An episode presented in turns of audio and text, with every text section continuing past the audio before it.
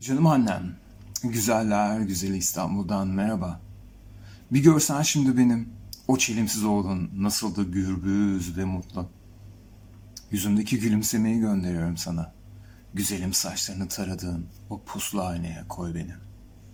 Hatırla biricik oğlunu Fırat'ı. Babam göçte gitti. Ah babam, canım babam.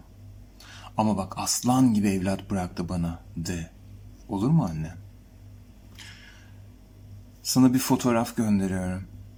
Bu fotoğrafı talimler için gideceğimiz Ankara öncesi Haydarpaşa tren garı merdivenlerinde bir seyyar fotocuda çektirdim. Üç ayak üzerine oturttuğu kara kutuya neşeli ve artistik fotoğraflar iliştirmiş. Bunlar kim dedim? Kimsesizler artık dedi. Çektirip almamışlar. Günlerce beklemekten solup kaybolacaklar. Belki de boğazın derin sularında. Siyah bir perde üzerinde kız kulesi, deniz kızları, laleler ve hilaller işlenmiş. Üstlerinde de tersten İstanbul hatırası yazılı. Canım anam ben denizi gör istedim. Mavilikleri, köyümüzün susluğuna inat mavilikleri. Pozumu da o sahipsiz fotolardan beğendim. İçerisine özenle katlayıp koyduğun çamaşırların, istikbalim olan kitapların bulunduğu ahşap bavulu destek yapıp da çekildim. Sevdin mi? Kim için çektirdiğimi, nereli olduğumu, üzerimdeki askeri kıyafetleri öğrendikten sonra al delikanlının resmini kutuya, aman düşmesin kirli suya, karanlıktan çıkıp fotoğraf haline gelsin. İnşallah ötekilere benzemesin tekerlemesiyle ağzında cigarası bir gözü bende diğeri mercekli kara kutuda çekiverdi. Söylediklerine gülünce poz müddetini böyle ayarlıyorum dedi ağzında dumanı. Gurla söyledim ben de anacığım. Kulali'de askeri öğrenci olduğumu, senin için çektirdiğimi, köyüm de tek ağaç dedim. Niye miymiş? Susuz da ondan. Bensiz nasıl da zahmetlidir şimdi. Okçudan güğümlerle su taşımak. Köyün çocukları yardım ediyorlar değil mi annem? Bize tahsis edilmiş vagonda bir bölük gidiyoruz. Parıldayan sulardan, ıssız ovalardan, uzunca tünellerden geçiyoruz. Trenin demirden ritmik sesiyle yazıyorum sana. Arkadaşlarım çoktan rüyalarında. Merak ediyorsundur sen şimdi onları. Kısa zamanda kaynaştık. Merak etme. Hepsi hiç görmediğim yerlerden gelmiş. Hayalleri var.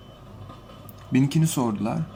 Adımı söyler gibi bilmiyorum dedim. Üzerimdeki üniforma gözlerindeki pijamaya dönmüşçesine epridi, soldu ve değersizleşti. Hissettim anne. İçlerinden en sessizi hayal yoktur ki cevabı olsun dedi ağzına leblebileri atarken. Bir sessizlik oldu içeride. Trenin raylardaki ahengi sert bir gerçekliğe doğru sanki daha hızlı yol almaya başlamış. Gözlerini bizden kaçırarak akıp giden görüntüler arasında vazifeler vardır sadece.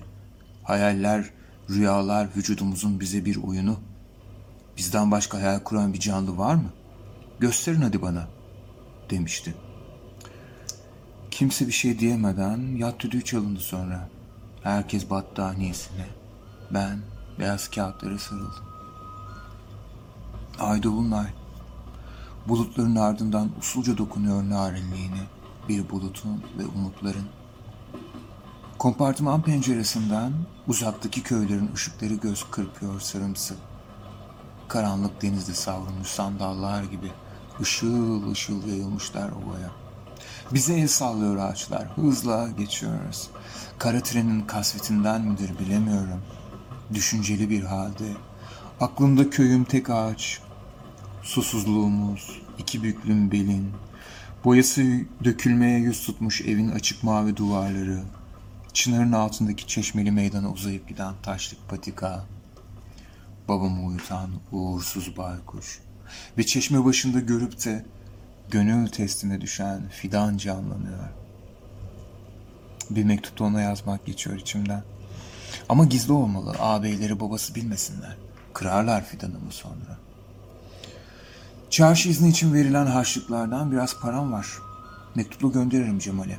Kızı okusun çeşme başında. Olur mu ki anne? Onu ilk gördüğümde tohumdu. Şimdi boy atmış bir fidan. Hayallerimde ağaçlar var ya. Hani hep bir arada. Şimdi yamacında bil bizi. Sevmek, hayal kurmak değil midir? O sessiz arkadaşı sormalı.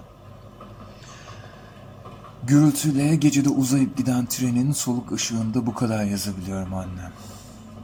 Gözlerim biraz acıyor. Sabah erkenden kalk emri verirler. Şimdilik bu kadar olur. Olsun. Olur mu? Ankara dönüşü yine yazarım. Tez vakit. Mektubunu bekliyorum. Hasretle ellerinden öperim. Sımsıkı sarılıyorum. Oğlun Fırat.